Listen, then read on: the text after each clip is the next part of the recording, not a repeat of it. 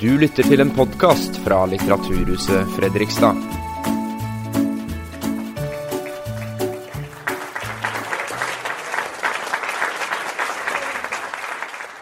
Jeg vil ønske dere hjertelig velkommen hit til Litteraturhuset og til denne novellekvelden. Så kult at alle sammen har tatt turen hit i denne hustrige novemberkvelden for å henge litt med oss. Det er jeg veldig glad for. Jeg heter eh, Tora Mikkelborg, og det er jeg som skal lede dere gjennom denne kvelden. Um, så denne kvelden den skal vi uh, vie til novellen med stor N. Jeg har hørt den bli omtalt som um, romanens gjerrige fetter. Eller som den uh, anorektiske lillesøsteren i den uh, skjønnlitterære familien. Og ofte når ikke novellesjangeren helt opp i konkurranse med den O store romanen. Likevel, her i landet så har vi en eh, veldig sterk novelletradisjon med mange sterke novelleforfattere. Og bare for å avklare, da. En novelle det er en forholdsvis kort og oppdiktet tekst. Ofte så foregår den innenfor et kort tidsrom og med få hoved- og bikarakterer. Det har jeg lært av den gamle norsklæreren min som sitter der.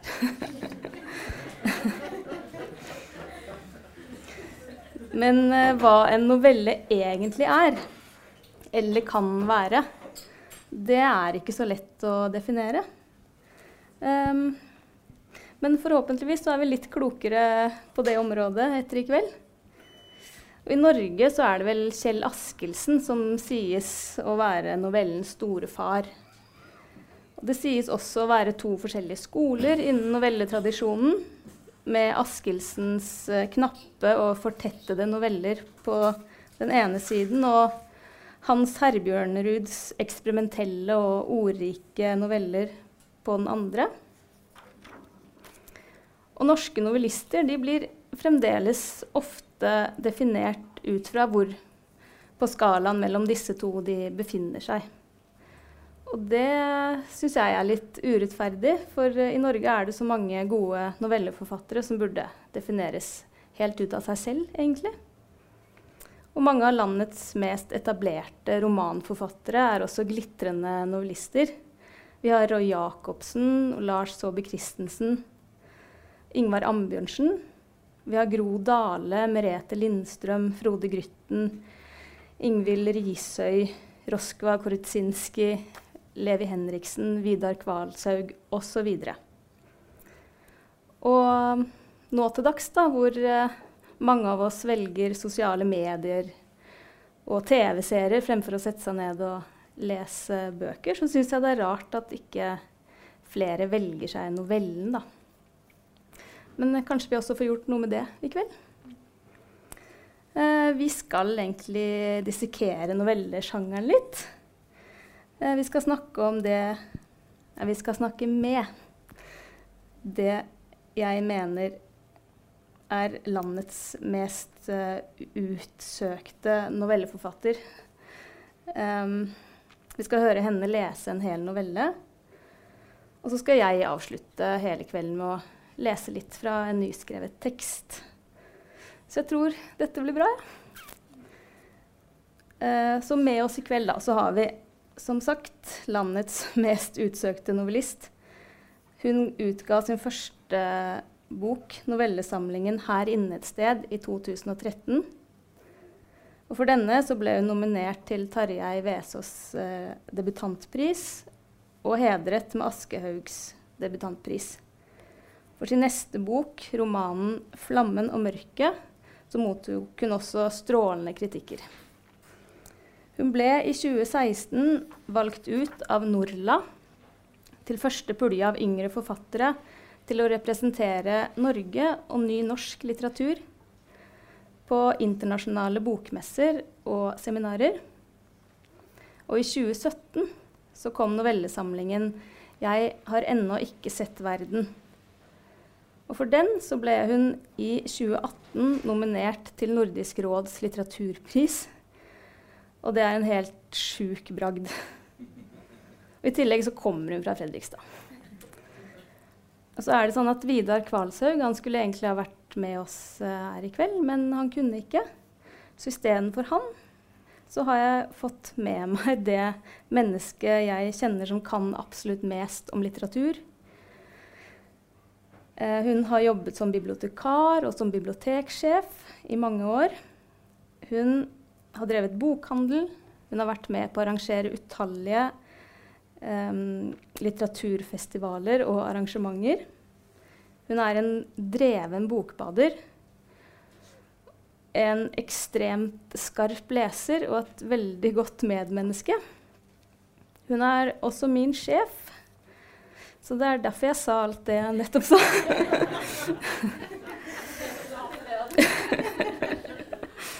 Ta godt imot Roskva Korutsinski og Bjørg Gjerdingen.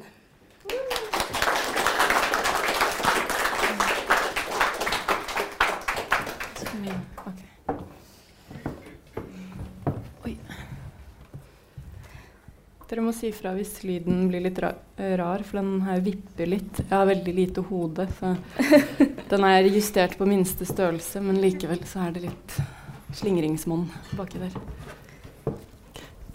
Ja, jeg er også i Lite hodeklubben, så dere får si ifra. Eh, velkommen hit, begge to. Takk. Tusen takk. Takk for at dere er her. Um, Roskva, så fint at du har tatt turen hjem en tur. Ja, fint å være her. Så bra. Og på etterskudd, da, gratulerer med nominasjon til Nordisk råds litteraturpris. Det er uh, så fortjent. Um, og det er så rått. ja, det, det, var veldig Det var både veldig gøy og veldig fælt. Ja, det vil jeg Husker jeg, den dagen jeg fikk vite det. Ja. Man blir jo Ja, det er fantastisk eh, fordi den prisen har den historien som den har. Mm. Eh, og samtidig så er det noe med å, å plutselig skjønne at du skal også bli vurdert ja. eh, opp mot de størrelsene da, og de litterære verkene som befinner seg på den lista. Ja. Men alt i alt veldig gøy, selvfølgelig. Ja, fantastisk. Um, når jeg leser novellene dine, så tenker jeg ofte at karakterene er utprøvende, på en måte. Uh, og i den siste samlingen din 'Jeg har ennå ikke sett verden', det er den her, også den du ble nominert for. Um, der um, møter vi bl.a. unge mennesker som møtes, uh, prøver hverandre på, på en måte. Uh, og ikke helt finner ut av hva de skal med hverandre. Det er en kvinne som oppdager at de syv valpene hun hadde, er forsvunnet. Og en liten stund er hun redd for at det er hundemoren som har spist dem. Og like etterpå får hun besøk av datteren sin. Det er dama som sørger over kjærestens død, men kanskje like mye sørger hun over livet han levde. Det er mennesker som prøver å forstå seg selv og andre både innenfra og utenfra. Um, det er det jeg har tenkt. Er jeg på sporet av noe, eller? Ja, det vil jeg si. Ja, takk.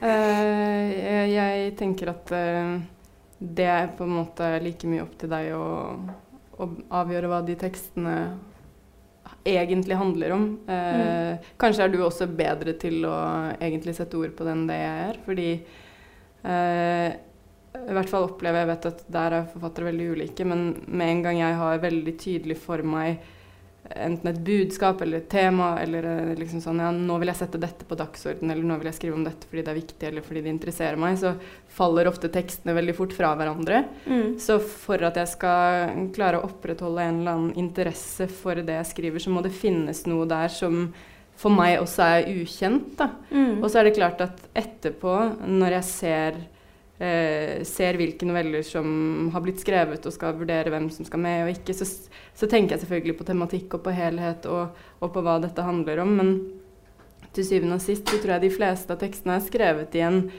ikke nødvendigvis i en total uvitenhet, eller noe sånt, men de er skrevet i et eller annet sted som også er eh, utprøvende og usikkert. Da. Eh, mm. og at at det ikke nødvendigvis er sånn at jeg setter meg ned og vet at jeg skal skrive en tekst som er åpen, men den er åpen fordi det er sånn jeg også forholder meg til den skriveprosessen. Ja. Um, men ja, jeg vil si det absolutt er en godkjent lesing. ja, tusen takk. Det var det jeg lurte på. um, har du liksom Vet du hva den siste samlingen din da liksom Har den noen sånn grunnleggende tematikk? Denne? Eh, ja, jeg har tenkt litt på det. Um, og jeg har også fått litt hjelp. Uh, for jeg var på en litteraturfestival for halvannet år siden eller et år siden i Danmark. Og der var det to forfattere som hadde en podkast hvor de diskuterer andre forfatteres bøker. Mm. Eh, En slags sånn live kritikk, da. Eh, Og de var til stede på festivalen, og så skulle de da snakke om min bok. Så jeg snek meg inn i salen og satte meg på bakerste rad. Jeg tenkte sånn, nå skal jeg høre hva de har å si. Og da sa hun ene noe som jeg ikke selv hadde fanget opp, og som jeg mm, heller ikke hadde hørt noen andre påpeke om den boka. Hun sa at det er en eller annen form for grådighet i den Ah. boka. Så ble jeg først litt sånn fornærma, og så tenkte jeg på det eh, en god stund etterpå. Mm. Så tenkte jeg det er, det er noe sant i det.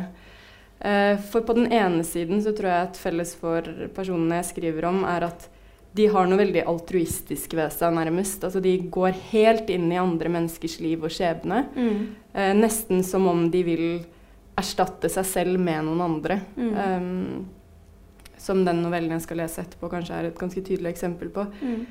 Samtidig så har de også Den grådigheten ligger i at idet det kanskje ikke fungerer lenger, da, idet jeg ikke lenger kan forsvinne inn i deg eller la meg oppsluke av deg, Mm. idet den illusjonen brister, så lar jeg deg gå, og så Ja. går jeg videre og så ser jeg om det er et annet sted hvor jeg kan finne noe som har et sterkere lys enn meg selv. Ja. Og jeg tenker at det er en sånn der ambivalens hos mange av de personene jeg skriver om, at de på den ene siden vil forsvinne og, og la seg oppsluke av andre. På den andre siden så er de veldig selvopptatte på den måten at det, de bruker også andre, kanskje uten å være helt klar over det selv. Da. Ja. Eh, for å slippe å, å være seg selv. Da. Ja, for- Eller å finne ut hva det er, og stå i det, og Ja. være i det, og leve med det. Så kult. Ja, eller ikke. um, du har jo to novellesamlinger bak deg, og én roman. Em, også en fantastisk bok. Um, hva er forskjellen mellom det å skrive roman og det å skrive noveller, syns du? Hmm. Jeg vet ikke om den romanen jeg har skrevet, egentlig kvalifiseres som en roman. Eller sånn jeg eh, tenker litt på den som en roman som ikke har så veldig lyst til å være en roman. Mm. Eh, men, men sånn selve skriveopplevelsen øh, Den største forskjellen var nok det at det å skrive noveller oppleves for meg som et sted som er veldig intenst. Øh, og ja, hva skal jeg si, jeg har lyst til å si fritt, men jeg vet ikke om det er riktig ordet. Men, men det, er, det, er, det minner meg om å skrive dikt. Jeg skrev veldig mye dikt da jeg vokste opp, og også Mm. leste dikt. Og Mm. egentlig hadde en, et kanskje nærere forhold til lyrikk, i hvert fall i ungdomstida, enn en romaner. Eh, og det der med å kunne gå inn i hvert enkelt, altså hvert enkelt bilde, hver enkelt setning eh, det ligger det en sånn voldsom kraft i. Da. Det kan jeg bli liksom skjelven av. og bli helt sånn, Fordi det er den skjønn, det er liksom skjønnheten i språket på et helt Mm. sånn mikronivå. Da. Ja. Ehm, der er det liksom ting skjer for meg når jeg leser også, stort sett. Altså selvfølgelig, Jeg kan synes det er fantastisk å lese en roman med en meddrivende fortelling og gode karakterskildringer. Og, og, og all ære til, til den delen av litteraturhistorien. Mm. Men, men som personlig, det som på en måte virkelig treffer meg, er litteratur som på en måte har med seg det fra lyrikken, kanskje, som er en form for eh, intensitet. Mm. Språklig intensitet, da. Eh, og du kan si Jeg gikk jo inn i det å skulle skrive en roman med kanskje den samme type holdningen, men, men jeg tror at jeg opplevde det som litt klaustrofobisk. Mm. Eh, og jeg tror det har med å gjøre også at jeg eh, er litt sånn Jeg vet ikke, vet ikke om jeg skal si kronisk uenig med meg selv, men jeg er i hvert fall ikke helt sikker på hvem jeg er, og føler at jeg har noe veldig sånn Jeg har ikke én stemme, men kanskje fire. Mm. Eh, og det fine med å skrive noveller er at du, du kan sette deg ned og så kan du jobbe i to måneder med en tekst som har en eller annen form for stemning. Da. Mm. Og så kan du legge det fra deg, og så kan du få ut noe helt annet i en Ja. annen tekst. Yes. Og det kan du jo selvfølgelig også i en, i en roman, men jeg har ikke helt skjønt hvordan ennå, i hvert fall. Nei, det skjønner jeg ingenting av. Nei, det er vanskelig. ja. uh, så jeg tror at det, for meg så var den store forskjellen det at jeg følte meg rett og slett litt sånn stuck med hun hovedpersonen i romanen min, og jeg følte meg veldig sånn at jeg måtte jeg ble, lei av hennes måte å se verden på. Jeg syntes hun var litt humørløs. Eh, og savnet liksom noen som skulle komme og gi litt mer faen i den teksten. Da. Og mens når jeg jobber med noveller, så, så kan jeg liksom få ut én form for verdensanskuelse eller livsfølelse eller kall det hva du vil, da, Ja. i en tekst. Og så kan jeg kjenne sånn Ja, men dette er ikke hele sannheten om hvordan det er å være menneske. Nei. Det er ikke bare sånn her. Nei. Og så kan jeg få ut det som kanskje har ligget der og ulma av fandenivoldskhet eller kynisme i en annen tekst. Og så syns jeg det at det vakre med en novellesamling Det er jo veldig mange som mener at noveller bør leses enkeltvis, én Mm. og én novelle. Men jeg er veldig eh, tilhenger av novellesamlingen som en bok, Mm. og, eh, som leses Enig. som en bok. Yes. For der får du nettopp det der spekteret Ja. og en sånn type utvikling eller forandring i Nesten som jeg tenker litt på det som musikk også. ikke sant? At Mm. du, du får en eller annen sånn musikalsk bevegelse gjennom boka da, som både kan innebære på en måte veldig sånn sterke, intense partier, og så kanskje noe sånn sakte og litt sånn stillferdig. Og, nei, og det å liksom komponere en novellesamling handler veldig mye om det, Ja. føler jeg. Om, liksom, om den musikaliteten. Ja. Og jeg skal bare skrive det ned. Takk for tips. Nei, jeg, jeg må passe meg for hva jeg sier. Jeg vet ikke om, jeg, jeg vet ikke om det er tips, men Nei, det høres Ja. Det høres riktig ut på en måte. Mm. Um, og i eh, novellene dine, da, både i eh, den siste samlingen din og i romanen din og den første novellesamlingen her inne et sted, så er det massevis av referanser til filmer og til um, kunst og til annen litteratur. Um, hva betyr lesing av andre og kunstopplevelser og film- og kunstopplevelser for din egen skriving? det betyr veldig mye. Jeg, eh, jeg tror jeg startet sånn I hvert fall den første boka mi, så hadde jeg en sånn romantisk idé om at jeg liksom hadde skrevet den helt på egen hånd, og ikke egentlig var så veldig påvirket av noe og, og sånn. Men, eh, men etter hvert som tiden har gått, og jeg større deler av hverdagen min dreier seg om å skrive, så er det å lese andres bøker sånn helt helt Altså det er vesentlig for å kunne skrive. Um, det er eh, Det er litt som Jeg tenker litt på det som å, å ha gode venner. Sånn Mm. hvis du har et eller annet tema du tenker på, da. F.eks. metoo. Nei, jeg er litt ambivalent i den metoo-debatten. Så kan du sitte alene og så kan du liksom jabbe om Ja, hvorfor mener jeg det? Og ja, det er selvfølgelig jeg som har rett og sånn. Ja. Og så møter du noen folk du stoler på, men som, liksom, som snakker det samme språket som deg, men som kan mene noe annet. Mm. Uh, og det er selvfølgelig er med på å forme dine videre, liksom, ja, hva du tenker og hvordan du Altså, du utvikler deg i, de, i de samtalene. Og sånn tenker jeg Mm. på litteratur også. At eh, en del bøker funker på den måten at jeg sitter og så jobber jeg med en tekst, og så kjenner jeg at ok, nå vet jeg ikke hvor jeg skal, eller nå sitter jeg fast, eller det mangler liksom surstoff, eller det er sånn dødt og stille her. Mm. Og så kan jeg, hvis jeg er heldig, finne en bok som bare åpenbarer Ja. et eller annet for meg. Og det kan være alt fra liksom eh, helt sånn konkret et grep, Mm. eh, eller så kan det bare være en stemning. Mm. Og ofte så er det ikke helt tydelig hva det er, men det er et eller annet som bare gjør at det, det er som en sånn vitamininnsprøytning. bare sånn, ja, du, jeg blir veldig, ja, nå kan jeg gå tilbake og fortsette. Ja. Um, og det, ja, det gjør altså, jeg opplever at det å lese annen litteratur gjør mine egne tekster veldig mye bedre enn det de hadde vært hvis jeg ikke hadde gjort det. Rett og slett fordi det blir som å få samtalepartnere inn. Eh, som viser deg andre måter å tenke på, se på og gjøre ting på. Mm. Samtidig som disse andre måtene er noe som kjennes familiært. da. Mm.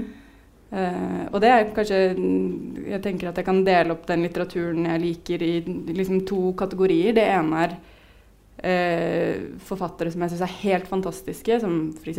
Thomas Mann eller Dostojevskij, Mm. men som bare skriver litteratur som ikke overhodet har noe eller så selvfølgelig Det har noe med hva jeg holder på med selv å gjøre, fordi det er så allmennmenneskelige temaer de tar for seg. Men, men skrivemåten og verkene er liksom, har ikke noe slektskap til mine bøker. Så det er bøker jeg kan lese for å som leser, bare. Og så Mm. har jeg liksom en kategori litteratur som jeg leser som forfatter også. Mm. Fordi det er bøker som jeg kjenner at her er det noen forfattere som holder på med noe lignende Mm. som det jeg gjør. Eh, ja, og begge de kategoriene er liksom ja, viktig på hver sin måte. Da. Kult. Um, jeg har lyst til å spørre deg, Bjørg, om um, du har en, en favorittnovelle, eller om det er en novelle du vil trekke fram fra samlingen 'Jeg har ennå ikke sett verden'? Jeg syns jo det er veldig vanskelig å trekke fram én novelle. Fordi, eh, som du også sier, Oskar, så syns jeg at den skal leses som en helhet. Men eh, den som jeg kanskje blir hengende lengst ved, er jo tittelnovellen. Mm. Og den har jeg egentlig ikke lyst til å si så mye om, for jeg tror kanskje du har tenkt å lese det. Mm.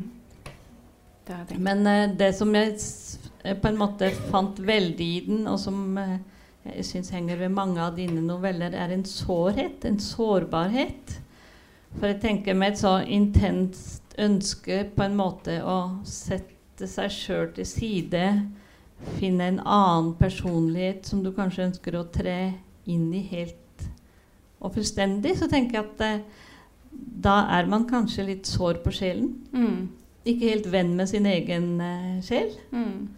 Um, men jeg tror kanskje at vi skal overlate til deg å, å lese den litt etterpå, i stedet for at jeg sitter og snakker så veldig mye om den. For det var litt, litt tilfeldig at jeg så at du hadde tenkt å lese den. Men, men eh, det er absolutt den som jeg blir hengende mest ved. Mm. Men eh, nok en gang så er eh, novellesamlinger noe som bør leses som helhet. Det er jeg helt enig med deg i. Mm. Mm. Uh, min favoritt, da. For jeg, jeg fikk en sånn da jeg leste samlingen, den som, jeg, som sto ut for meg, det var den uh, novellen som heter 'Fra den andre siden'. Mm.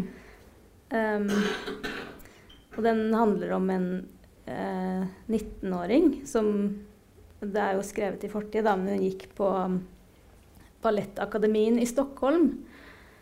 Um, og før en juleoppsetning så blir eh, dansestudentene introdusert for en danser da, som denne unge kvinnen, jeg antar at det er en kvinne, Mm. um, idealiserer og ser opp til som en slags overmenneske, kanskje. Um, at hun er um, nærmest liksom, uvennlig og mimikkløs i danseuttrykket sitt. Det appellerer veldig til denne 19-åringen, da. Men så skader hun seg, så hun må stå over eh, danseforestillingen. Så sitter hun blant publikum, og så ser hun den samme danseren da, sammen med familien sin. Mm. Eh, hun har en liten sønn som hun må fly rundt og passe på, og en middels pen ektemann.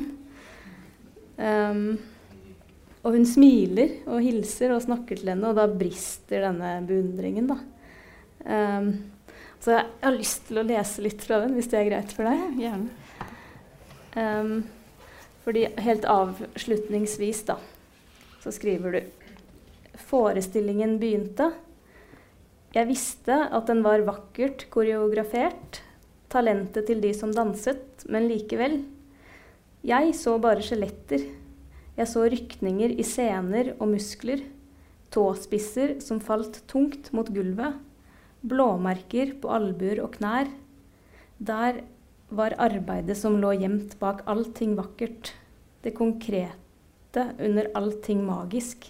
Der var kroppsarbeidet, skjønnhetsarbeidet, kjærlighetsarbeidet. Jeg kjente meg svimmel.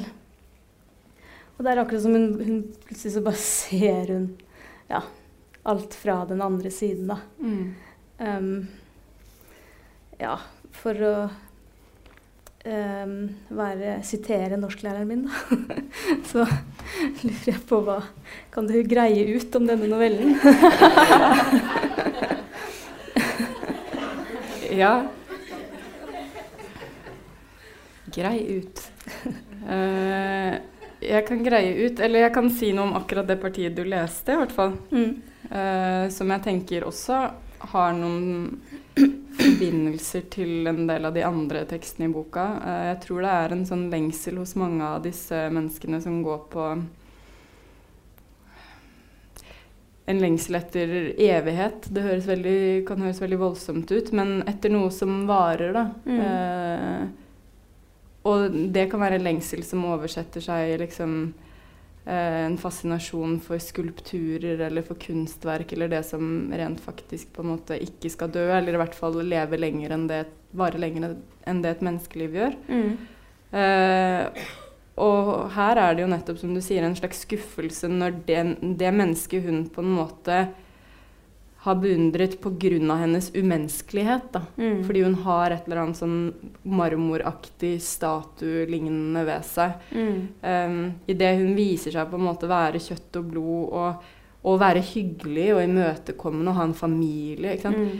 så forsvinner fascinasjonen Uh, fordi hun Ja, akkurat hvorfor er det er vanskelig å si, men det er en lengsel jeg kan kjenne meg igjen i, som går på en eller annen sånn Kanskje skjønnhetslengsel, da. Mm. Eh, som er jo på en måte en helt sånn klassisk lengsel mennesket har. Hvorfor har det det? Det der med å ville at noe skal vare og være solid, og at Ja. man kan på en måte bare forsvinne i det og kanskje få en slags Bli en del av noe evig og tidløst selv, da, i hvert fall Mm. for et øyeblikk, som kanskje er mye av grunnen til hvorfor vi går rundt i gallerier og på museer og liksom Mm. lar oss fascinere av disse tingene. Mm. Um, uh, ja, jeg vet ikke om jeg kan si noe mer fornuftig om det enn det.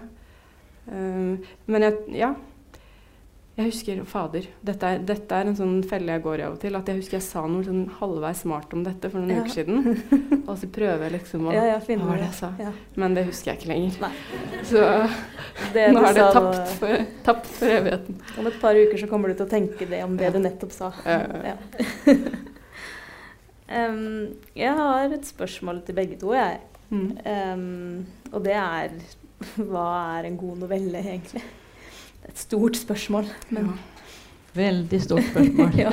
Vil du begynne? Det er sikkert mange definisjoner av det også. Ja. Men jeg tenker at eh, en eh, god novelle eller et, en kortfortelling skal gi meg noe som kanskje andre bruker mange flere ord på å fortelle. Mm. Eh, for meg så er noveller ofte de, de sier like mye og kanskje mer enn en hel roman. Mm. Og jeg tenker at det må være en, en, eh, en kunst å kunne drive det ned til så få ord og allikevel ha så meningsfulle fortellinger i det. Ja. Så jeg vil gjerne sitte igjen med noe, og av og til så vil jeg sitte igjen med noe som er sånn godt å tenke på, og av og til så vil jeg utfordres, sånn som jeg gjør gjennom dine noveller. Mm. Og dels dine også. For dere ligger jo ikke så veldig langt fra hverandre i måten å skrive på, faktisk. Mm. Jeg tror faktisk jeg intervjua dere samtidig, nesten, Ja, på en festival. Ja. Og jeg tenkte da at så mørke dere er. Men etter å ha lest det litt mer, så fanger man jo på en måte opp andre ting også. Mm. Men eh, det, det er vanskelig å si sånn helt konkret hva en god novelle skal være. Men jeg tenker at det må være enkelt kanskje definere hva man både har lyst til å sitte igjen med, og hva man virkelig sitter igjen med når du har lest det. Men eh, som sagt så syns jeg det må være en kunst å kunne gi meg en hel roman på ti sider. Mm. Ja, jeg har jo tatt med meg disse bøkene. Som hvis, bare sånn til glede og inspirasjon. Og også fordi jeg fikk spørsmål om jeg kunne ta med noen novellesamlinger jeg anbefalte. Eh, Men den ytterste der, den eh, 'Knakket i knakk', den eh, er en samling korte fortellinger fra Japan fra de siste 110 årene eller noe sånt. Og der er det et veldig fint forord som inspirerte meg noe voldsomt da jeg leste det. For der står det at i Japan så skiller man ikke mellom noveller og romaner. Man har ikke noe begrep for noveller. Det kalles bare lange og korte fortellinger. Og implisitt da så sier man jo også at man leser lange og korte tekster på samme måte. Eller altså, I skoleverket her så lærer vi jo gjerne hva er en novelle, og hvordan skiller den seg fra romanen. Mens i Japan så opererer man ikke med de sjangerbetegnelsene. Man bare liksom kategoriserer ut fra hvor lang fortellingen er, liksom rent, ja, rent formelt. da. Uh, og det syns jeg er en ganske sånn befriende holdning, som jeg kanskje mer og mer prøver å ja, følge som eksempel i min egen skriving. Ikke tenke så veldig mye på Kjell Askelsen. Heller ikke tenke så mye på Herbjørnsrud. Mm. Um, for jeg Mm, jeg føler at det er en tendens, uh, i hvert fall blant kritikerstanden i Norge, om at man fremdeles har en litt sånn tradisjonell oppfatning av hva en novelle er, eh, som henger igjen fra at man har lært det på skolen. ikke sant, Har fått det prenta inn at sånn og sånn er det. Og at man av og til kan møte også norske novellesamlinger litt med en sånn lektoral holdning, nærmest. Hvor det er sånn ja, men Er det et vendepunkt her? Er det en åpen avslutning? Sitter vi igjen og lurer på og det syns jeg er en litt sånn kjedelig måte å forholde seg til litteratur på. Mm. Og i tillegg, så hvis vi ser på romanen, da, så, så, kan man jo også selvfølgelig sette opp noen kriterier for hva en liksom klassisk roman er. Men samtidig så har jo ikke sant, med uh, Joyce, Virginia Woolf altså Alle som har gjort et eller annet banebrytende og rart med romanen, har jo sørget mm. for å på en måte sette romanen fri. da. Ja. Så vi kan ikke lenger snakke om romanen som deler det eller det. Vi må bare ta imot boka, så må vi se ok, hva er dette. Mm. Uh, og jeg ønsker meg jo litt at det skal i større grad enn det er i dag. Uh, være måten vi leser novellesamlinger på også. Da. At ja. det er litt sånn ok, her er det en bok med korte tekster. Mm. Hva er dette? Yes. Istedenfor å gå til dem med så veldig mange forventninger. da. Mm. Men jeg tror ikke det bare er kritikeren og lærernes feil at vi forholder oss sånn til novellesjangeren. Jeg tror også det handler om at tradisjonelt sett så har novellesjangeren også vært en sjanger for debutanter. Ja.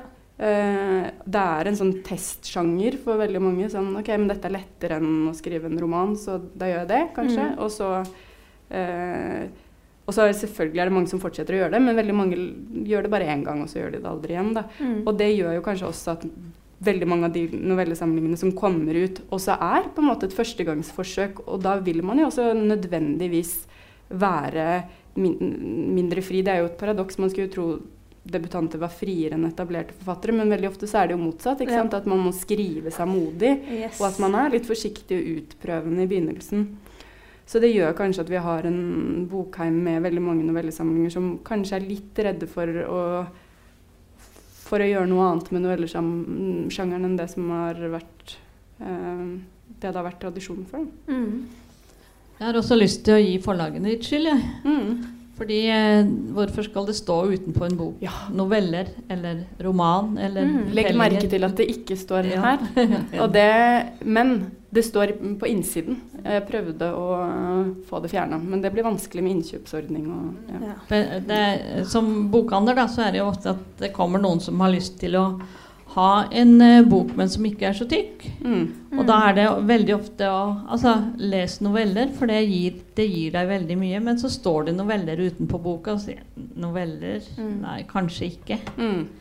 Så jeg tror at man må prøve å bryte ned disse sjangergrensene som du snakker om. Mm. Fordi det er fullverdige fortellinger på akkurat samme måte som romaner. Mm. Så det må, tror jeg vi må slåss litt for å få vekk disse mm, veggene imellom litteraturen. Mm. Ja, jeg tenkte på det du sa innledningsvis også, med det der at, um, at vi har så liten tid, og hvorfor er ikke novellesjangeren på en måte Den er jo ideell for vår tid. Mm. Men jeg tror dette tror jeg noen andre har sagt, og så tenkte jeg godt sagt, det vil jeg også begynne å si, men jeg husker ikke hvem som sa det, så nå later jeg som det er meg. ja. Men det med at grunnen til at romanen fremdeles står så høyt i kurs sammenligna med noveller selv i vår tid og i vårt samfunn, er det at det er ikke nødvendigvis det at vi har så dårlig tid som gjør at vi leser mindre, men eskapisme. Mm. Det å flykte. Mm. Vi forsvinner. Vi har tid til å se fuckings syv sesonger av uh, Gud Orange is the new black. Ikke sant? Så tid har man jo, ja. men, men, kanskje også det er noe med kulturen og samtiden vår som gjør at folk har lyst til å flykte. De vil drømme mm. seg bort. Og novellesjangeren er jo ikke like velegnet til det Nei. som en skikkelig tjukk roman. Det. Fordi det er Jeg opplever i hvert fall at noveller ligger nesten nærmere poesien Mm. enn romanen, på den måten at det er en mer liksom konsentrert lesning som ikke på en måte Det er ikke den derre Ha, jeg lener meg inn i denne novellen. Nei, det er Det er en helt annen form for konsentrasjon, kanskje fordi man veit at det skal vare kort mm. og må holde seg skjerpa. Yes. Mens en roman så har du liksom tid til at det er 20 sider med litt sånn «Ah, OK, så tenkte jeg på det, og så var jeg der, og så kommer du tilbake. Ja. Og det der å ha en aktivitet som man bare kan liksom henfalle til, Mm. det tror jeg er liksom noe meg selv inkludert, da, veldig mange av oss på en måte er dratt mot. Mm. Og da, da kanskje er ikke novellene på en måte det som virker mest fristende. Men det er derfor vi må lure dem til Ja. å lese det. Ved å fjerne sjangerbetegnelsen. Yes. Og der svarte dere helt nydelig på det neste spørsmålet mitt, og det er trenger vi nye begreper for hva en novelle er for noe. Så veldig bra. Em, jeg har jo spurt dere om dere kunne ta med dere noen noveller. Jeg spurte Eller jeg sa egentlig topp tre noveller. Roscoe har tatt med seg et bibliotek. Det var fordi jeg visste at Vidar ikke eh, tatt med på vegne av han. Det er ikke sikkert han hadde stått, eh, stått innenfor det. Men. Hva, hva er det du har med? Hva vil Ja. du si om det? To av disse titlene har jeg tatt med av retoriske årsaker. holdt jeg på å si. Det ene er jo den fra Japan, for at da kunne jeg si noe om eh, det med at de ikke opererer med sjangerdistinksjoner på den samme Mm. måten som oss. Det andre er Nå sitter jeg og peker ned, jeg kan kanskje løfte. Det er bedre. Jeg bare tar med alle sammen, jeg. Kan jeg holde opp igjen og igjen. OK. Ja, det var den fra Japan. Eh, som jeg ikke har lest eh, Jeg har ikke lest hele boka, men jeg har begynt å lese i den, og det er veldig spennende. Og så har jeg tatt med denne. Eh, Edvard Levé, 'Selvportrett selvmord'. Den kom ut i 2007, tror jeg. Eh, skrev, 2008. Skrevet av en fransk forfatter. Eh, som tok livet av seg. Han sendte dette manuset til redaktøren sin, og så tok han sitt eget liv. Oi. Så det er jo tragisk, selvfølgelig. Um, men grunnen til at jeg tok med den, er at denne består av to fortellinger på ca. 70 sider hver, tror jeg det er. Ja, 80-90. Eh, som ikke har noen sjangerbetegnelse på utsiden. Eh, når man snakker om dem, så tror jeg det er liksom vanlig å kalle det for kortromaner. Men selv har han ikke satt noe sjangerbetegnelse på det. Og grunnen til at jeg tok med den, er at eh, for det første, den har vært veldig viktig da jeg skrev denne boka. Altså jeg er veldig inspirert av den ene Mm. fortellingen her. Um, hvor uh, fortelleren Altså den ene fortellingen som heter 'Selvmord', den er skrevet i andre person, som også er noe jeg ofte gjør. Mm. Uh, og den handler om uh, Hovedpersonen får høre at en venn av han fra ungdomstiden har tatt livet av seg. Mm. Og så begynner han å forestille seg livet hans. Ja. Uh, og den er da Frysninger. Ja, den er veldig, veldig bra. Ja. Um, men denne befinner seg jo et sted midt imellom roman og novelle, fordi den er på en måte kort Mm. og intens, samtidig som den egentlig ikke forholder seg til noen sjangerbetegnelser. Kunne, vært, kunne kalt det et langdikt også. Mm. Um, og ja, til og med siste del består av noe ja, dikt som en del av fortellingen. Eh, så den er på en måte et veldig godt eksempel på hvordan de sjangerne egentlig bare kan distrahere mer enn de er presise, da. Fordi den er på en måte alt og ingenting. Mm. Og så har jeg tatt med tre novellesamlinger. Mm. Det ene er Judith Herman. Tysk eh, samtidig novelleforfatter. Hun debuterte i 1998. Og regnes vel på en måte som en av de viktigste novelleforfatterne i Europa nå, i hvert fall. Jeg syns hun er helt fantastisk.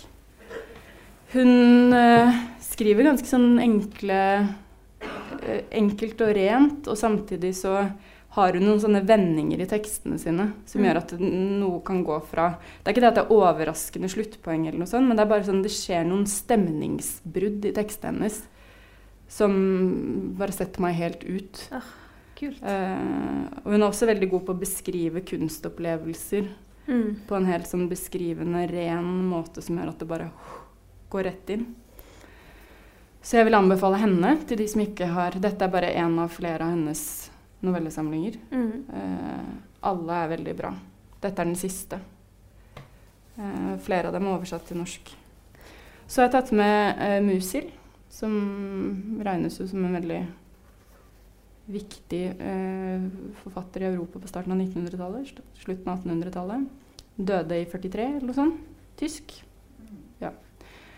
Eh, dette er en helt eh, Jeg skal ikke si så mye om denne novellesamlingen, men jeg vil anbefale utgivelsene til Skald. De Mm. er veldig fine, eh, rent sånn estetisk. De er håndsydde. Oi. Og det er også fantastiske oversettelser. Nå driver jeg og leser eh, en novellesamling av Beckett, som Jon Fosse har oversatt. Eh, som også er helt Ja. Det er stor, stor eh, litteratur. Det er denne også. Han er mest kjent for 'Mannen uten egenskaper', som sikkert noen har hørt om. Ja. Som er et gedigent verk som han aldri fikk eh, fullført, og som jeg heller ikke har begynt på, men det står i hylla. Eh, det siste er eh, Flør Jaggi. Jeg har tatt med litt sånn litt obskure ting, bare fordi det er litt morsomt å kunne gi litt tips til noe dere kanskje ikke har lest før. Uh, hun er en østerriksk Heter det østerriksk eller risk? Ja. Østerriksk forfatter uh, som skriver på italiensk. Hun har Hun debuterte tidlig på 80-tallet, tror jeg, og har allikevel på den tiden bare utgitt seks skjønnlitterære bøker. Dette er den første boka hennes på 13 år. Men hun har oversatt veldig mye poesi, og eh, var liksom i kretsen til Thomas Bernhard og Ingeborg Backman. Men er ikke Altså, de er jo veldig kjente, men hun hører man aldri om. Men hun er en helt strålende forfatter. Denne novellesamlingen er veldig rar, kanskje litt for rar for noen, men hun har også skrevet noen romaner. Annet en som heter 'Tuktens lykkelige år', eh, som er veldig, veldig fin. Som handler om en jente på kostskole.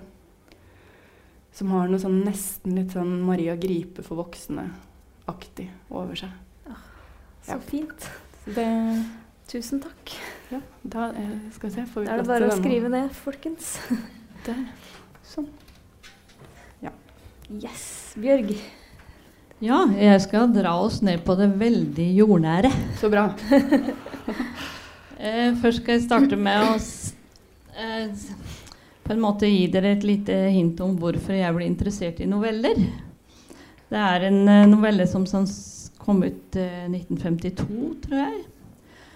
Og jeg leste den da jeg var veldig veldig ung og ble veldig fascinert over at det gikk an å skrive en hel roman på så få linjer. Og det var en eh, novelle av Johan Borgen som heter 'Bestefar er en stokk'. Dere husker den sikkert. I hvert fall noen av, av de som er godt voksne her. Og jeg ble så utrolig fascinert av synsvinkelen, for det starter jo med eh, en som føler seg veldig stor, som ligger i barnevogn. Mm. Fordi eh, de andre små, de må liksom stå på tå for å se det lille barnet oppi vogna der. Og derfor så er jo han mye større enn dem. Og bestefar er en stokk. Bestefar han eh, bor på loftet. Og det banker i taket, og da sier mamma at eh, nå må du gå opp og se hva bestefar vil. Vi får for så vidt ikke vite så veldig mye om bestefar i eh, fortellingen, bortsett fra at han dør og flytter til kirkegården. Men det er noe med perspektivet i den eh, novella som gjorde at jeg ble helt eh, som jeg tror jeg var 12-13 år, helt eh, besatt av å få vite at eh, Altså, tenk på alt livsanskuelse han har i den lille, lille novella. For den er bare fire-fem sider, eller noe sånt. Um, hovedtittelen er vel eh, 'Av en født forbryters dagbok'. Og det ligger jo veldig mye i den tittelen, for dette går jo virkelig helt skeis. Men eh, av og til så er det morsomt å grave i disse gamle arkivene og finne, og det har jo du for så vidt gjort òg, det er enn på et litt annet plan. Så eh, må jeg jo ha med litt nynorsk. Jeg har tatt med Frode Grytten, popsanger. Eh, apropos musikalske referanser. så har jo eh, Frode Grytten her skrevet en kort fortelling til 24 forskjellige sangtekster. Det er et ganske bredt eh, spekter av eh, sanger han har skrevet til. Jeg eh, er kanskje mest begeistra for den som handler om John Lennon. Det ligner litt på en måte Det er veldig fjernt fra dine noveller. Mm. Samtidig så er det litt eh, fellestrekk allikevel, fordi denne fortelleren han eh, går inn i John Lennon sin rolle.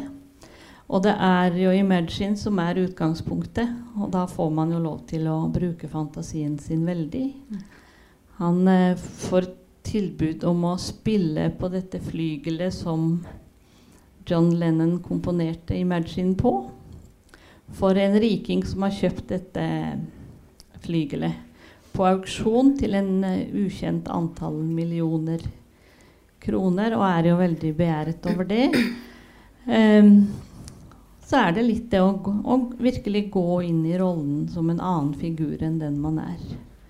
Um, jeg, synes, jeg ble veldig fenga av ideen å velge seg 24 sanger og skrive en liten fortelling om hver sang. Og også det å virkelig legge seg sjøl til side og gå inn i en, i en helt annen og veldig kjent rolle. Han henviser jo også til en tsjekker som eh, begynte som noen look-alike til eh, Nå kom jernteppet. Til Michael Jackson. Ja. og eh, levde jo veldig godt av det å være, reise rundt og være Michael Jackson. Men han måtte jo, for å kunne opprettholde den populariteten, gå til ganske sterke inngrep. da, altså Opererte seg i takt med Michael Jackson og ordna nesa og panna og hva det måtte være.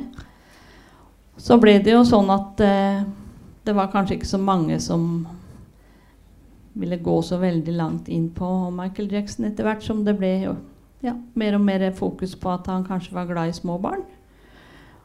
Og eh, da satt jo denne stakkars mannen som hadde hatt sitt levebrød som Michael Jackson, med et utseende og en personlighet som jo ikke var hans. Mm. Så han hadde kanskje tatt det litt langt Mm. å gå inn i hans rolle. Mm. Men mange fine var det der også. Eh, en annen eh, som også er ganske jordnær, er jo eh, Levi Henriksen. Som eh, skriver noveller eh, på samme måte som han snakker. Mm. Han eh, holder jo seg jo til området sitt på Skogli. Ja, dette er en samling som heter 'Hjem til jul'.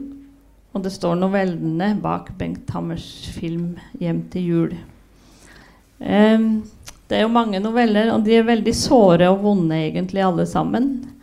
Uh, jeg har valgt meg en uh, favorittnovelle her i denne samlingen også, som heter 'Gi oss i dag'. Ja. Det er jo en dame som har hatt et forhold til en gift mann. Hun har sikkert hatt menn i mange varianter, men denne ene her, da, han har jo liksom lovt henne et nytt liv og gull og grønne skoger, men han skjønner jo snart at det blir kanskje ikke sånn. Det handler om julaften. Eh, Jeg syns Levi Henriksen er en- mester i å trekke fram det tragikomiske i menneskene. Mm. Og når jeg leste denne novella, så fikk jeg både Jeg får veldig vondt av denne dama som da på en måte velger å satse helt feil, som de fleste av Levi Henriksens eh, personer gjør. Men eh, hevnen er søt, og den følelsen jeg tenker at denne ektemannen må sitte med når hevnens time er der, den må være lei. Og den skal være lei. Fordi det er, er jo noe der som ikke er som det skal være. Men historien er i hvert fall at hun da på julaften skal besøke søstera si, som har en sønn. Eh, hun har to brev i lommen. Den ene er med 6000 kroner i, som eh, tantebarnet skal få til en ny moped. Det andre er et brev til denne mannen. Eh, hun eh, drar hjem til han og ser at eh, familien går til kirken. Putter brevet i brevsprekken. Går i kirken. eh, får seg en plass ved siden av familien i kirkebenken. Eh, hilser på kona. Eh, Blid og hyggelig. Og tilkjennegir veldig klart for denne mannen at hun er til stede, men hun ødelegger for så vidt ingenting. Men det er klart, han har det ikke godt. Når hun skal dele ut presangen til tantebarnet sitt, så kommer overraskelsen. For hun har jo gitt denne mannen 6000 kroner. Så hvordan han oppfatter det, da, det er jo et spørsmål. Men det er, det er en sånn sår familiesituasjon på alle sider, det også. Ja. Så vi kan vel si at det var mine tre høyder i dag. Ja. Tusen hjertelig takk. Jeg um, lurer på om du har lyst til å lese litt for oss, Roskva? Ja. Det, det, blir, eh, det blir en ganske lang opplesning. Er det noe dere har uh, syns er behagelig? Ja, det er bra. Bare len dere tilbake. Slapp av. Ja, da skal jeg lese tittelnovellen. Jeg har ennå ikke sett verden. Jeg har tenkt en del i det siste. Herregud, stryk det.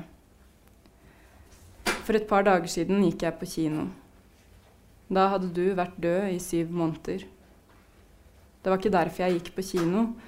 Jeg tenkte ikke over datoen før jeg satt i salen med billetten i hånden. Og da var det for sent å vurdere om jeg ville markere dødsdagen din med en film eller ikke. Det var i det hele tatt for sent. Filmen handlet om en kvinne. I åpningsscenen blir hun voldtatt i en T-baneundergang. Resten av filmen er en opprulling der vi får se hva som ledet fram til hendelsen. I filmens siste scene er kvinnen en ung jente. Hun ligger i gresset og kikker opp mot sola. Ingenting av det vi vet at skal skje, har ennå hendt henne. Det har bare hendt oss. Da jeg gikk hjem, tenkte jeg på den første gangen du viste meg et bilde av deg selv som barn. Du satt på et teppe og fiklet med et stykke papir. Leiligheten vår tilhører meg. Jeg bor her fremdeles. For noen måneder siden fant jeg en kvittering i en av jakkelommene dine. Du hadde kjøpt en tommestokk, en sag og et spann med maling i fargen Kilden. Innkjøpene var blitt gjort bare få dager før du døde. Jeg søkte opp Kilden på nettet. Det er en sånn blåfarge som folk pleide å ha på kjøkkenene sine på 50-tallet. Jeg aner ikke hva du skulle sage til og male blått. Jeg brukte omtrent en time på å lete gjennom skuffer og skap, på jakt etter de mystiske varene, før jeg slo meg til ro med at jeg tross alt hadde funnet kvitteringen og ikke kunne be om mer. Der har vi det. Jeg har kvitteringen over innkjøpene dine og kan ikke be om mer. Et slags regnskap. En gang fortalte du meg at moren din hadde plantet et tre i Slottsparken den dagen hun fant ut at hun var gravid med deg. Hun hadde sneket seg ut om natten og gravd et hull i jorda like ved en klynge andre trær, sånn at det ikke skulle virke påfallende. Og der hadde hun plantet treet som den gangen bare var en knapp halvmeter høyt, og så løpt vekk i mørket. Da jeg spurte om du kunne peke ut treet for meg, sa du at du ikke visste hvilket det var.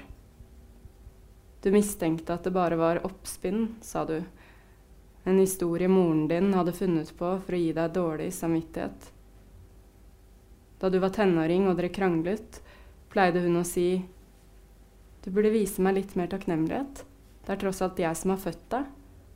Og du svarte jeg har aldri bedt om å bli født. Barn er noe man får for sin egen skyld. Da sa hun med sår stolthet i stemmen jeg plantet et tre til deg i parken. Var det også for min egen skyld, tror du? Jeg vet ikke hva jeg skal gjøre med det ordet. Sorg.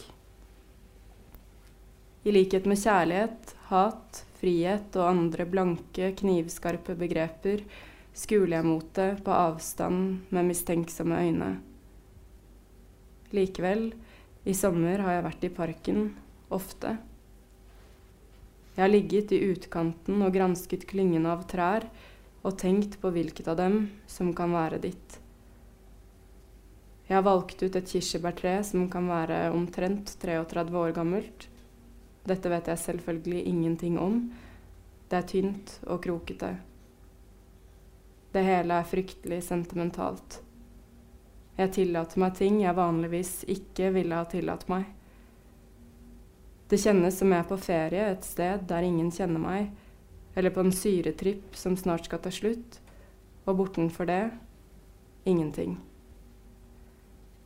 Altså regnskap. Du var ikke veldig glad i livet. Det blir for dumt å påstå noe annet. Men du arbeidet hardt, virkelig hardt, med å bli et bedre og litt lykkeligere menneske. I tillegg var det noe veldig oppriktig ved deg, en nesten barnlig åpenhet. Latteren din var aldri hånlig, og man kunne lese alle følelser av ansiktet ditt. Den tilsynelatende uskylden din fikk meg ofte til å glemme hvor du kom fra. Det hendte at jeg ble revet med og ville fortelle deg en pikant historie, f.eks. om den gangen jeg gjorde det og det med ham eller ham, og du lyttet storøyd og smilende før du svarte ivrig å, nå kom jeg på den gangen jeg hadde trekant med hun stripperen og hun anorektiske frisøren, og frisøren insisterte på å stå i bro mens jeg tok henne. Og så lo du høyt. Da du oppdaget uttrykket i ansiktet mitt, sa du, for liksom å glatte over og unnskylde deg, det var ikke noe seriøst, vi hadde bare tatt skikkelig mye kokain. Geografien din var virkelig helt annerledes enn min. Likevel likte du meg. Du sa at jeg var knivskarp og ufattelig deilig. Sannheten er at jeg var den første du lå med etter at du ble nykter, og jeg har lest at det er vanlig at misbrukere opplever en slags seksuell gjenfødelse etter å ha vært i behandling. Jeg sa ingenting om det til deg, men du visste det sikkert. Når vi lå sammen, kjentes det ofte som et slags mirakel. Kan jeg si det? Jeg sier det. Mennesker som ligner hverandre, trenger det kanskje ikke på den samme måten. Den offerplassen mellom kroppene den lysningen å tre ut i. Før jeg møtte deg, forestilte jeg meg kjærligheten som en slags lysende hånd eller klo som skulle gripe inn i mørket i meg, men ikke nå lenger. Når jeg hører ordet kjærlighet, ser jeg for meg å ta det skrittet. Ja da, ja da, jeg vet det. Vi gjorde alt med hverandre. Likevel forble det en skjevhet der. Av og til når du holdt meg fast eller jeg la fingrene om halsen din, oppdaget jeg det i øynene dine som jeg stadig glemte. At du kom fra mørket, mens jeg bare var en blindpassasjer der. Jeg tror ikke det handlet om forstillelse fra min side. Det var mer som at jeg deltok i disse små overskridelsene som en ikke-troende trer inn i et kirkerom og lar seg åpne av det rommet før hun skamfull oppdager et menneske som ligger foran alteret i konsentrert bønn. Eller som en gråtende turist i en konsentrasjonsleir like før gråten setter seg fast i halsen. Du var den bedende. Du var de jødiske barna som stirret ut gjennom et svart-hvitt fotografi. Av og til, når du så på meg, like før du kom, kjente jeg det. Det eneste familiemedlemmet du introduserte meg for, var Rikke. Du hadde mistet kontakten med begge foreldrene dine. Faren din først, deretter moren din. Men Rikke snakket du varmt om. Huset i Drøbak. Du hadde bodd der av og på i flere år. Når du ikke kunne betale husleia di og ble kastet ut. Når du mistet jobben som bartender, kundebehandler, bygningsarbeider. Det var ikke som hadde spilt Maler og Schönberg for deg da du var barn. Det var ikke som hadde Kafka, Wolf, Beckett og Dickinson i bokhylla, og Hitchcock, Bergman, Weier og Fellini i videosamlingen. Hun var alt det foreldrene dine ikke var. Det eneste hun hadde til felles med dem, var at hun drakk. På mange måter kan du takke Rikke for at vi ble kjent med hverandre, sa du den gangen vi kjørte ut av byen for å besøke henne. Det var vinter og glatt på veiene, du hadde sveivet ned vinduet på passasjersiden. Du blåste varm røyk og damp ut i kulda. Jeg svingte ut på motorveien, giret om. Ja vel? Ja. Du slapp sneipen ut av vinduet, rullet vinduet opp og krøket deg sammen, hutret. Du smilte reveaktig. Du ville ikke tatt, i meg med ildtang engang, hvis det ikke var for at jeg, hvis det ikke var for at jeg hadde litt kulturell dannelse. Før jeg fikk høre om Rikke, var jeg forvirret. Det er sant. Jeg visste hvor du kom fra, og jeg fikk det ikke til å henge på greip. Alt det butte og treige og tverre, at det skulle kunne føde noe så klart og skarpt som deg, at du hadde viklet deg ut av et sånt frø. Det hendte at jeg så på deg mens du leste, f.eks. Du satt i enden av sofaen. Du har sittet i sofaen min. Du har vært her. Noe meg kjenner en trang til å rope det ut i gatene, for det begynner å ligne en drøm, alt sammen. Jeg er en av disse forfylla i teaterstykkene som har sovnet på gaten og våkner opp i kongens seng, og så får leve som kongelig en stund, før han våkner opp på gaten igjen og mistenker at alt var en drøm. Jeg går gjennom leiligheten på jakt etter spor. Jo da, tannbørsten din står fremdeles i tannglasset. Jakkene henger over stumtjenerne i gangen. Noen kommer innom og spør forsiktig om det ikke er på tide å kvitte seg med eiendelene dine.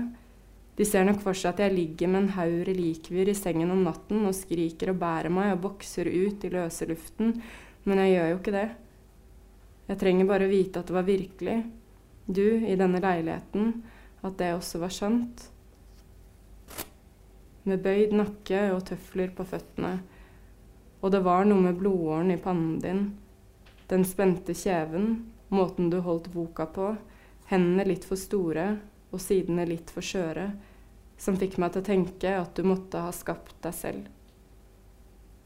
Du lignet en som i dyp konsentrasjon og med store anstrengelser hadde formet seg selv mellom sine egne hender. Du vet den dokumentarfilmen 'Kongen', der Nils Aas lukker seg inne i atelieret sitt og jobber med skulpturen av Håkon den 7. over flere år. Han var virkelig vakker som ung Nils Aas. Han står i atelieret sitt og arbeider med skulpturen, først i miniatyr og deretter i full størrelse.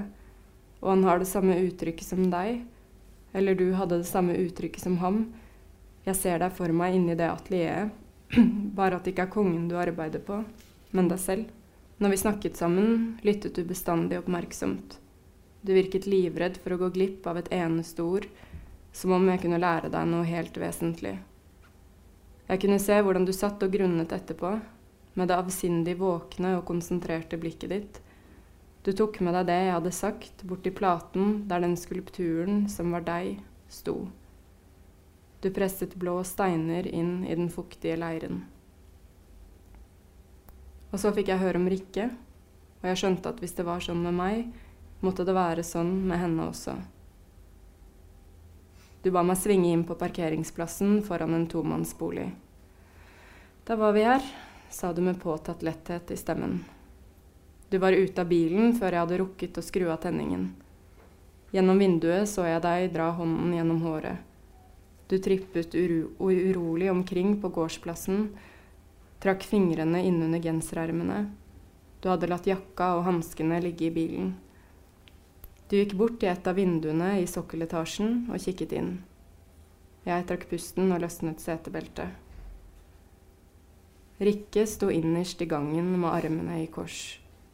Et barn som har fått streng beskjed om å ikke åpne døren for fremmede, men som likevel falt for fristelsen, og som nå ikke helt vet hva hun kan forvente seg. Hun var hardt sminket, det halvlange håret slitt etter årevis med hjemmefarging, hun hadde små rynker rundt øynene og munnen. Du gikk bort til henne og åpnet armene. Leiligheten var liten og ganske mørk.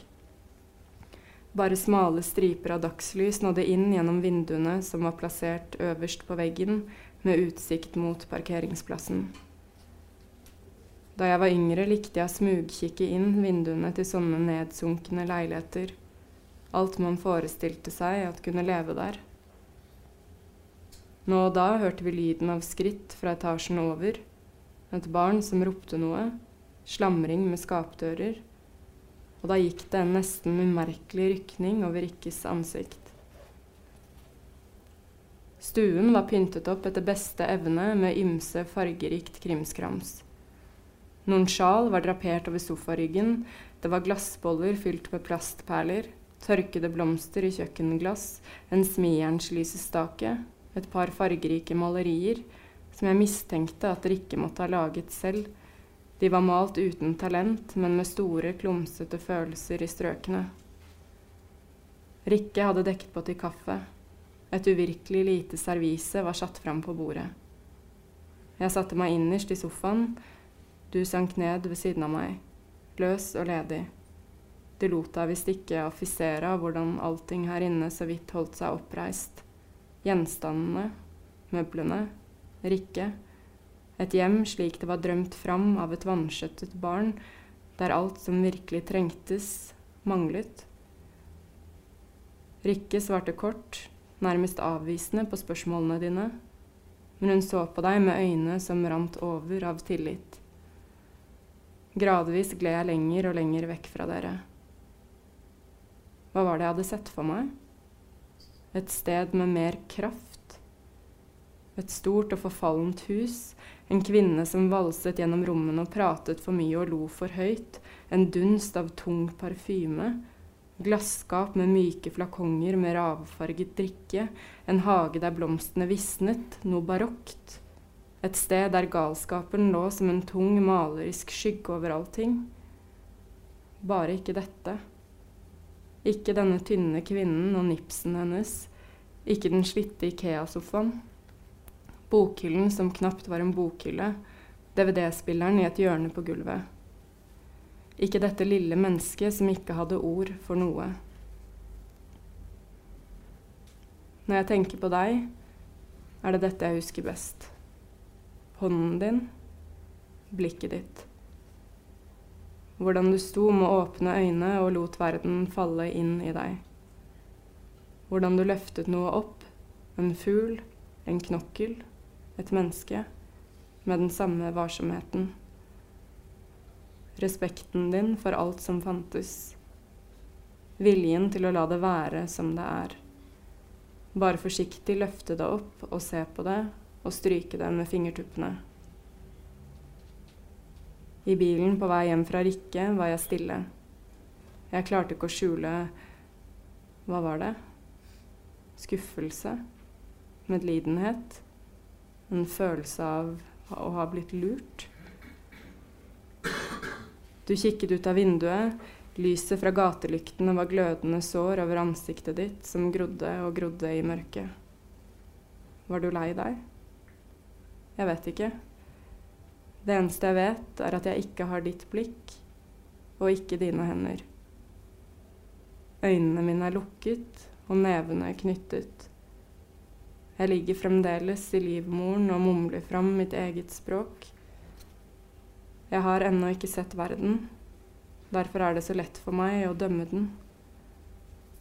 Men jeg prøver å lytte nå som du er borte. Det håper jeg du vet. Jeg øver meg på å bli som deg.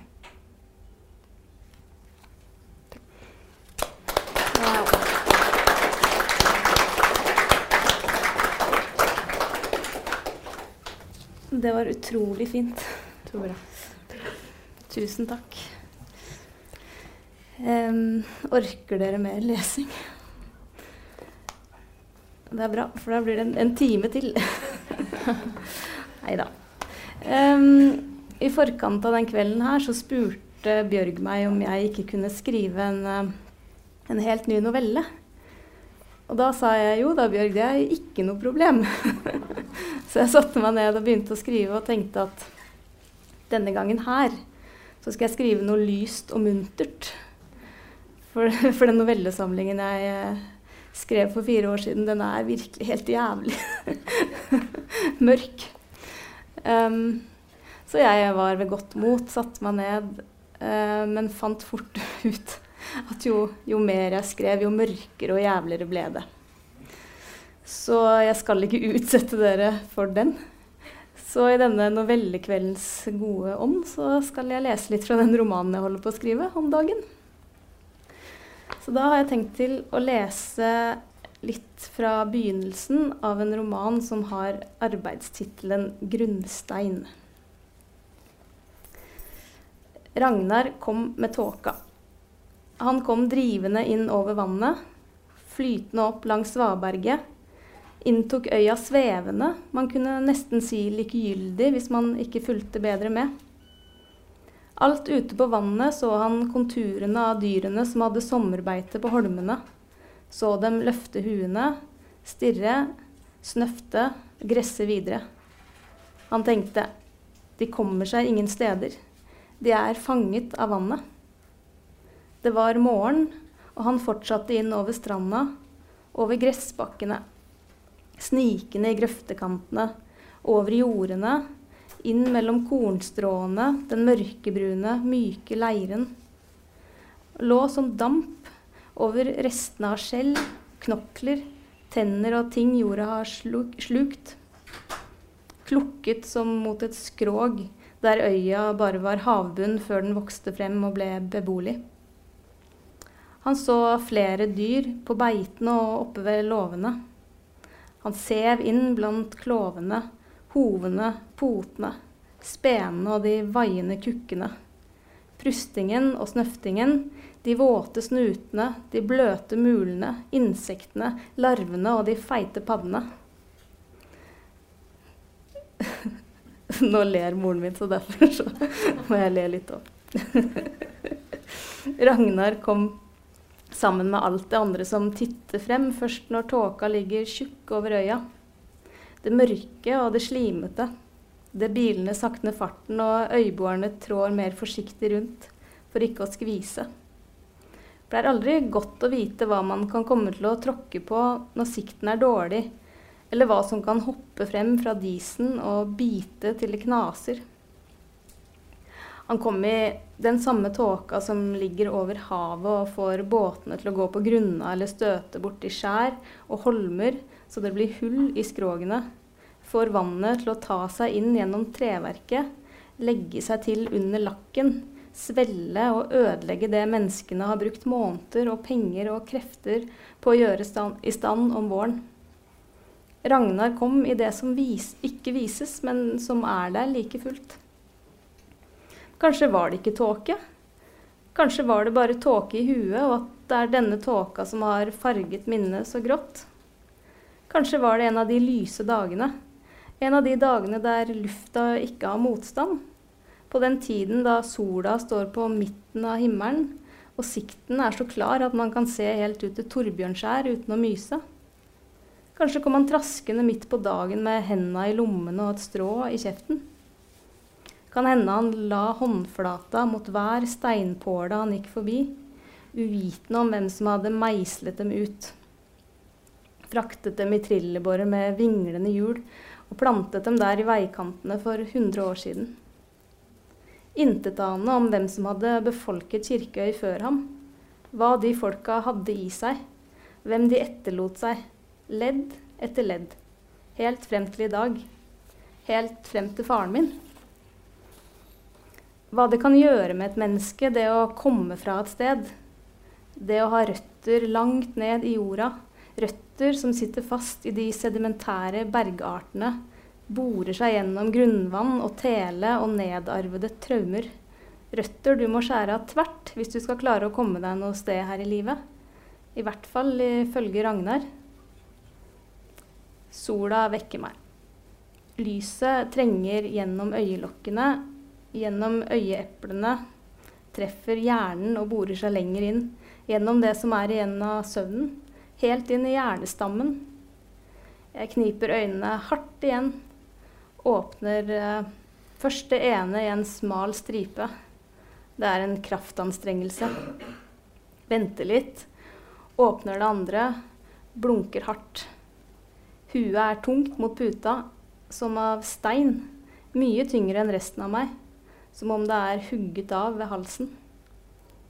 Lydene fra skogen eller summingen fra den lavthengende myggen som til stadighet har forstyrret meg gjennom natten, treffer meg før alt det andre.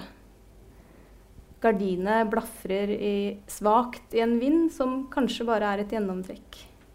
Jeg reiser meg, setter føttene i gulvet. Det er kjølig som høsten. Forresten har jeg hørt hanekyllingene gale. Med sine hese, hormonelle halser har de dratt meg frem og tilbake i drømmer jeg ikke kan gjengi annet enn følelsen av. Ved sjutiden skrev jeg noe på mobilen. Jeg bøyer meg. Det knirker i senga. Løfter den, trykker på notat, leser. Hvem i helvete er det som orker å bo sånn her? I går kveld glemte jeg å lukke verandadøra. Det er et gufs i dette huset. Det trenger seg inn i meg idet jeg lukker døra med et smell. Her ble faren min født, men nå er det tante Mai som bor her. Og nå, mens tante Mai er på ferie, jeg.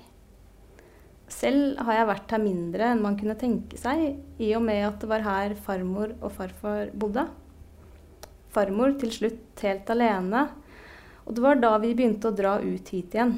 Pappa, broren min og jeg. Det var noen år vi ikke var her i det hele tatt. Vi dro heller til Syden eller på fjellet de feriene vi var sammen med pappa. Jeg setter meg ved kjøkkenbordet. Det er gammelt, ripete og har en egen lukt.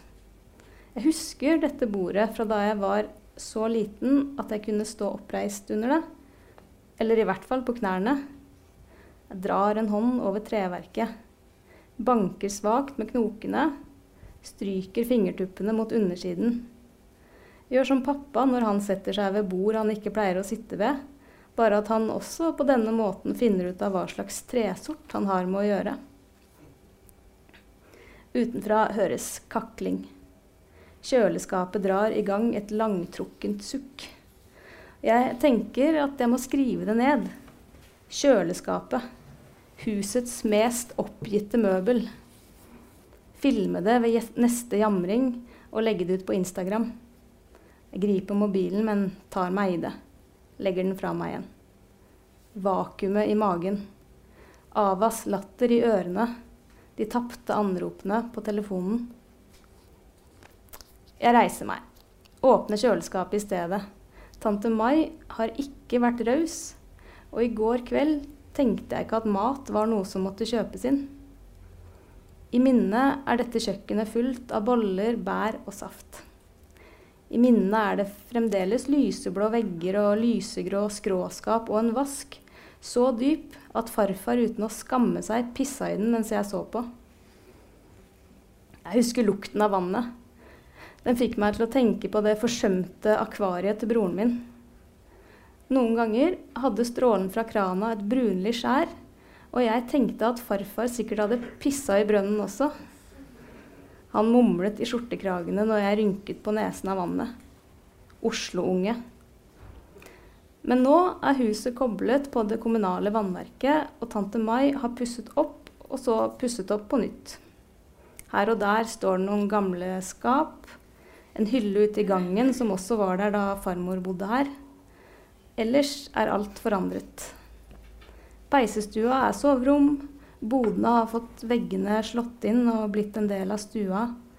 Badet er totalrenovert. Og jeg lurer på om det virkelig er helt i orden for pappa at det var Mai som overtok huset. Kjøleskapsdøra glir igjen med et knirk og et lite sug. Jeg setter meg ned igjen. Ser mot vinduet.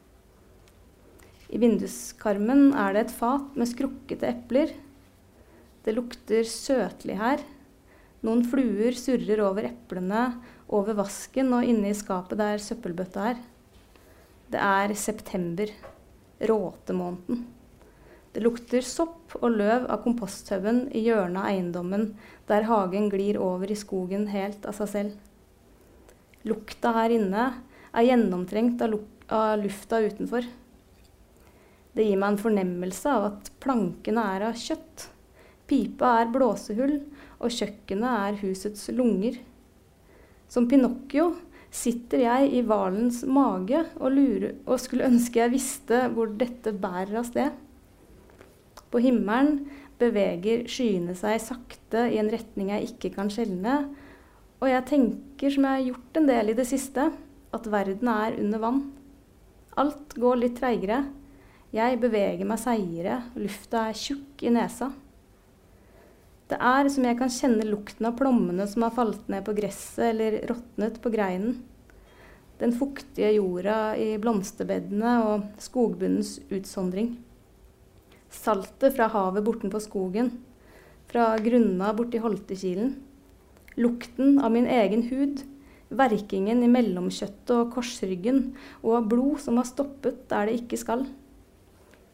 Og lukten av hanekyllingene der ute i buret sitt dritten på de fjærløse gompene og det faktum at de ikke vet at de er satt til live bare for å vokse seg så store at de kan dø nyttige. Jeg vet ikke engang selv.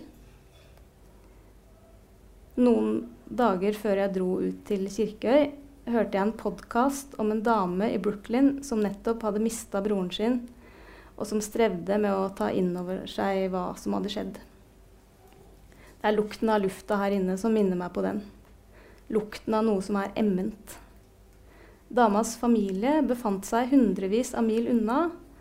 Hun visste hun burde ringe foreldrene og komme seg på første fly i retning barndomshjemmet.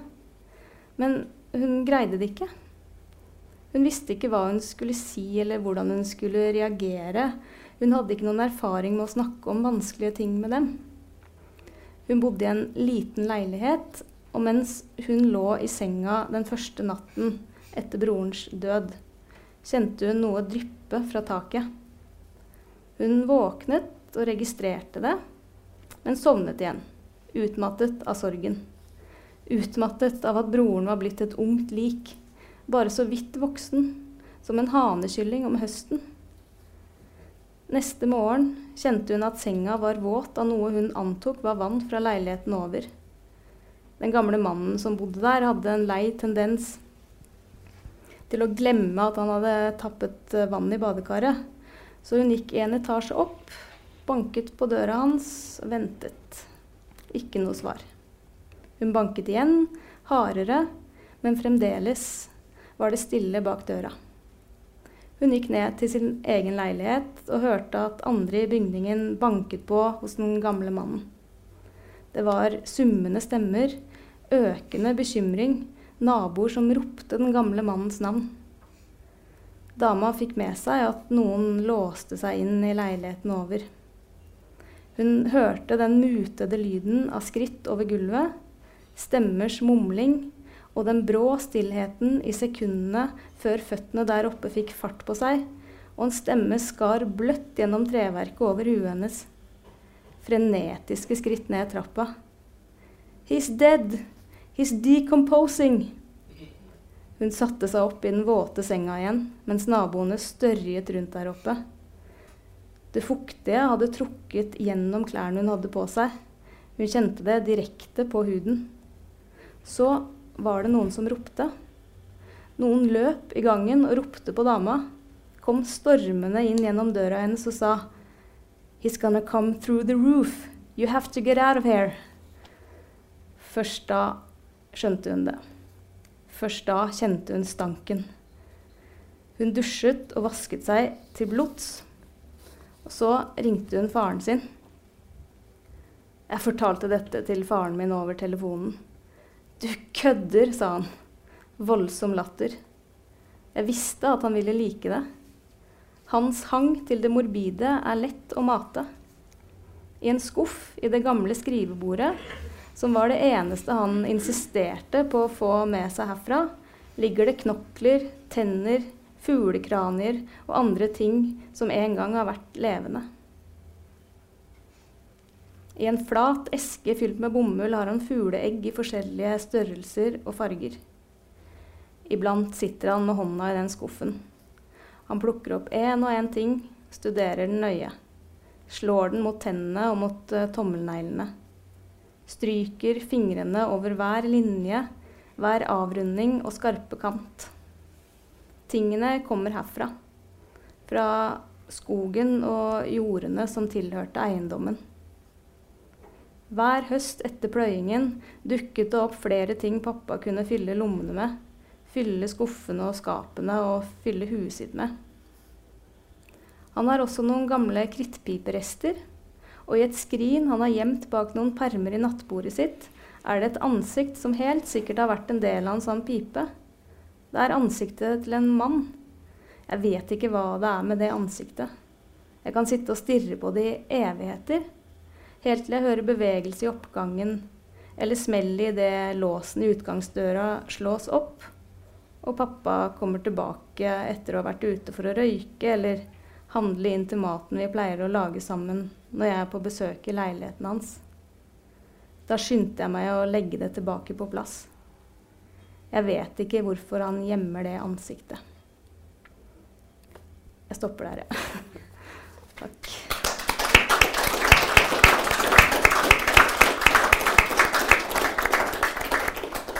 Tusen takk.